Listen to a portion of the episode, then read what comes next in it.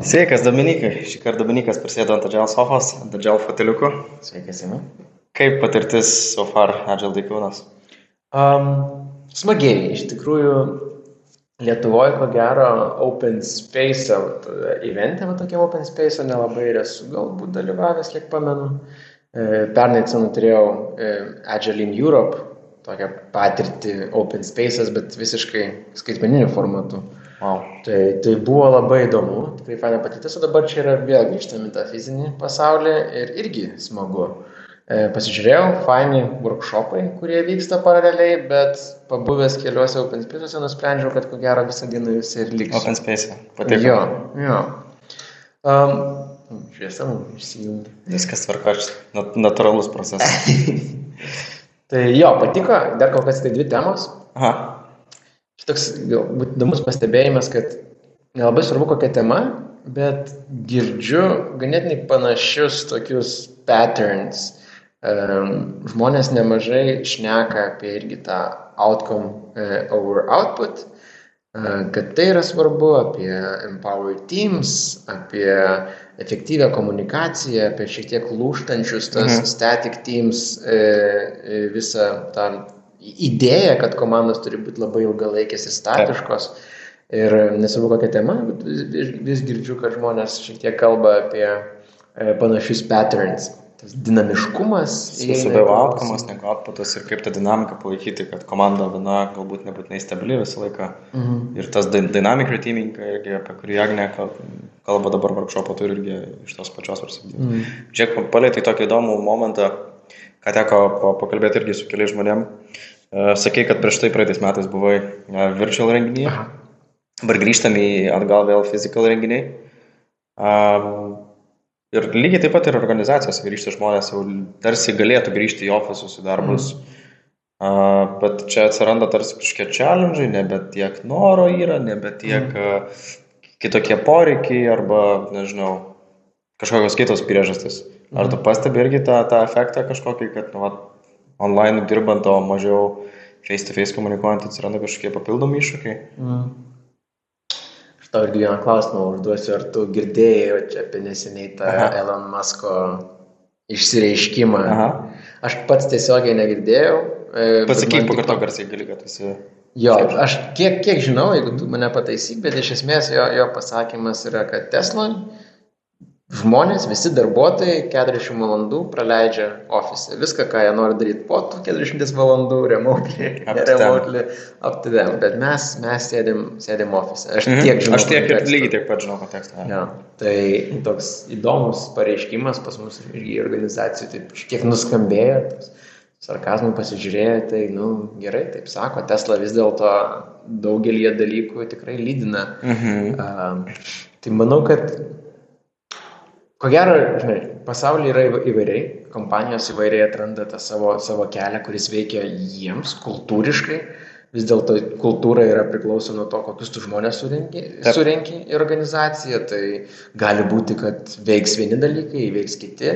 Man asmeniškai, aš atsimenu, kai pradžioj grįžau į ofisą, man buvo labai sudėtinga. Kažkaip, kažkaip jaučiausi, kad tai man nėra tinkama darbo terpė. Mhm. Aš pripratau dirbti namuose, turėti savo ritmą, savo laiką, e, savo pertraukėlės tokias, kokios man patikdavo. Tavasme, ofise aš tai 15 minučių ant lovos neišsidrėpsiu ir e, netgi nenusnausiu, jeigu jaučiuosi, kad esu pervargęs ir gerai ir, ir, ir, ir, ir yra poreikis tam. Arba neišeisiu tiesiog mhm. pasivaikščioti į lauką, taip paprastai pamastyti.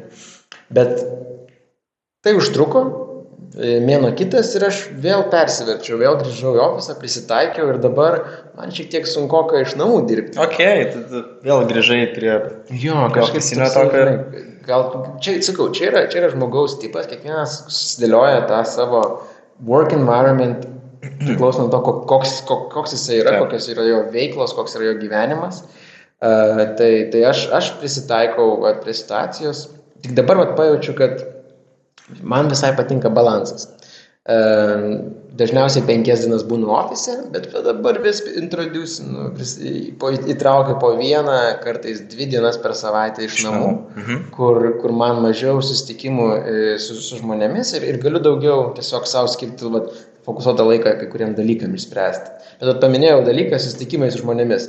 Aš man visai gerai pasisekė, kad aš gyvenu ganėtinai arti ofiso. A, tai tau jeigu reikia, prisireikia, nubėgi. Prisireikia, nubėgu, va, irgi vat, visai neseniai čia mononmonus turėjom su keliais žmonėmis, tai aš tiesiog, kad 11, prie, prie 5 minučių išeinu ir ateinu į ofisą. Super. Nes, nu, aš netgi pastebėjau tokį įdomų dalyką, kolega sako, žiūrėk, ar tu esi ofise, aš toje nebuvau.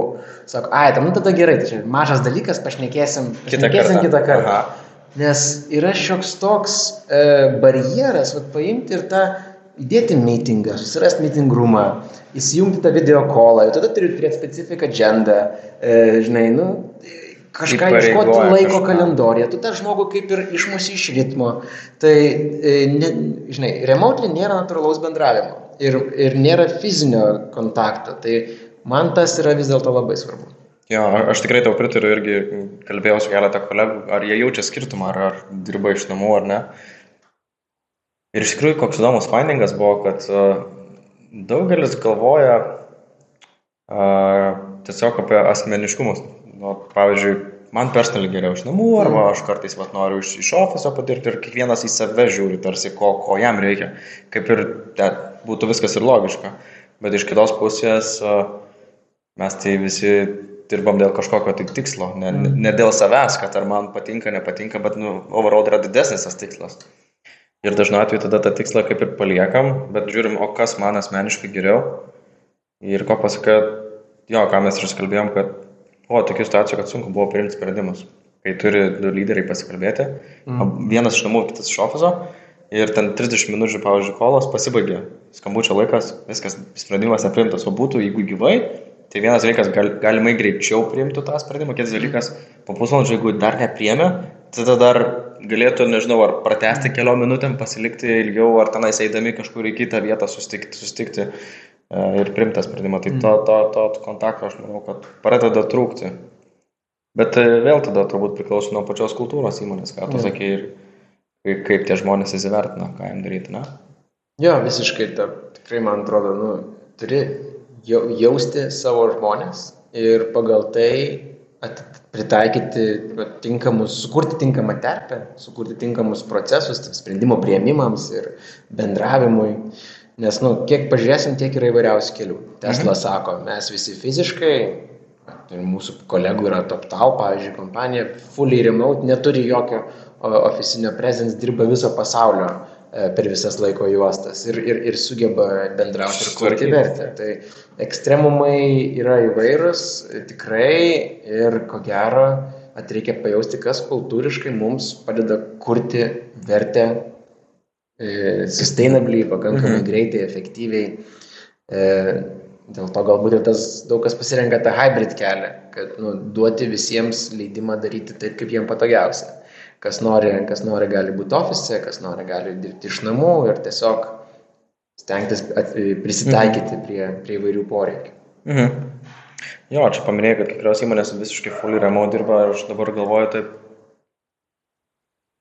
gal visai, visai faina, jeigu nu, vat, aš prisijungčiau įmonę dirbti ir jeigu nuo pradžių būtų jie darbas remote, tai gal ir, ir ok. Mhm. Bet jeigu taip paskui sakytų, mes po kiek laiko fully remote, Tai turbūt būtų keista, nes tada tu prarandi tarsi kažkokį ryšį sukurtą, bet uh, turbūt priklauso vėl nuo tų kultūrinių aspektų, kaip tu sakai, kaip mes kūrėm tą kultūrą ir pačio įmonėje, iš kokių žmonių susideda. Galų gale žmogus yra vienas labiausiai, ko gero, prisitaikančių organizmų. e, iš esmės mes turim tą tokį kažkokį emocinį lygmenį, savo įpročius, savo norus, bet esant reikalui mes žmonės esam prisitaikantis. Nu, gerai, tu, tu, tu dabar dirbi ir tau atrodo, kad tas darbas yra, žinai, visas, visas gyvenimas, bet, nu, taip gaunasi, kad kompanija nebeturi finansų, turi, turi paleisti žmonės.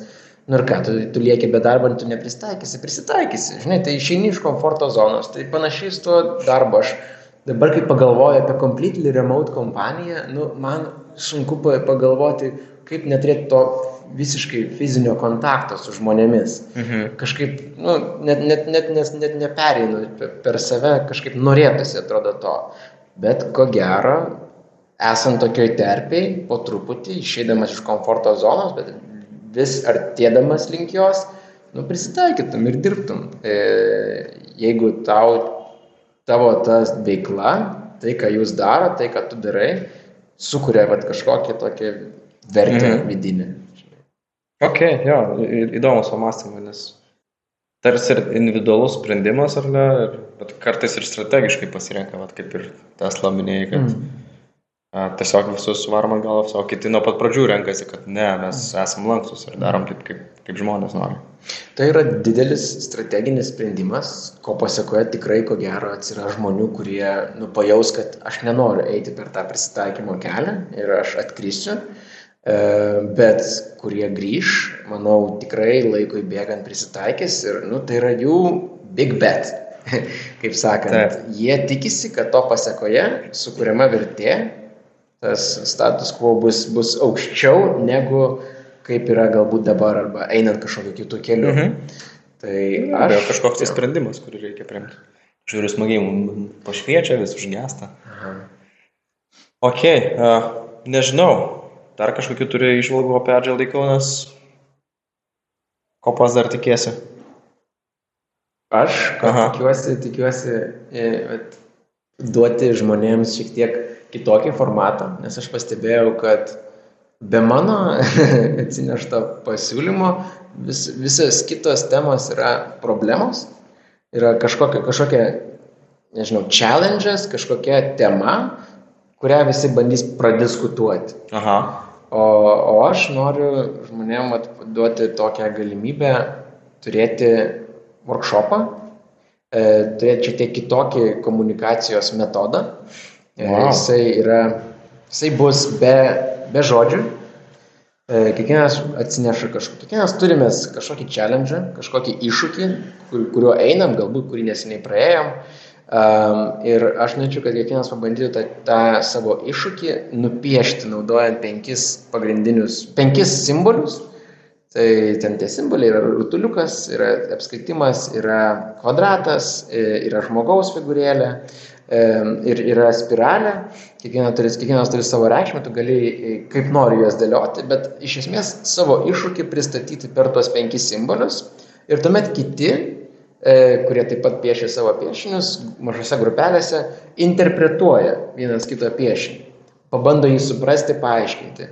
Tai iš esmės šitas metodas leidžia žmonėms e, pabandyti komunikuoti kitaip, nes žodžiai ganėtinai, ganėtinai sunku a, a, apčiuopti, kaip sakant, erdvę, tu vis tiek turi pasakoti kažkokią linijinę istoriją. E, Ir aš noriu tiesiog vienas dalykas pabandyti kitaip e, pažvelgti savo Mhm. iššūkius. Antras dalykas - sukurti terpę e, išsireikšti tiems, kurie galbūt tose diskusijose, kurios šiandien vyksta, nu, sunkiai įsiterpia. Labiau Aha. priima tą klausytojo vaidmenį vien dėl to, kad yra daug stiprių asmenybių, kurios, nu, e, Užgožia, sakykime. Užgožė, nori pasidalinti. Tikrai pastebėjau keletą žmonių, kurie e, kaip bitės e, skraido iš vieno e, bokso į kitą ir vos atėję, vos atėję iš karto reiškiasi, pasakoja apie save e, ir be tokio aktyvaus Okay, okay, pasilitavimo kartais yra sudėtinga jos su, suvaldyti. Tai aš tokį kitokį formatą noriu pasiūlyti. Ok, wow, skamba įdomi, aš būtinai sudalyvausiu irgi Open Space, pažiūrėsiu, ką, ką parašai, ką atsineši. Sure. Ir ačiū tau už kelias minutės laiko dėmesio. Iki kitų susitikimų. Iki.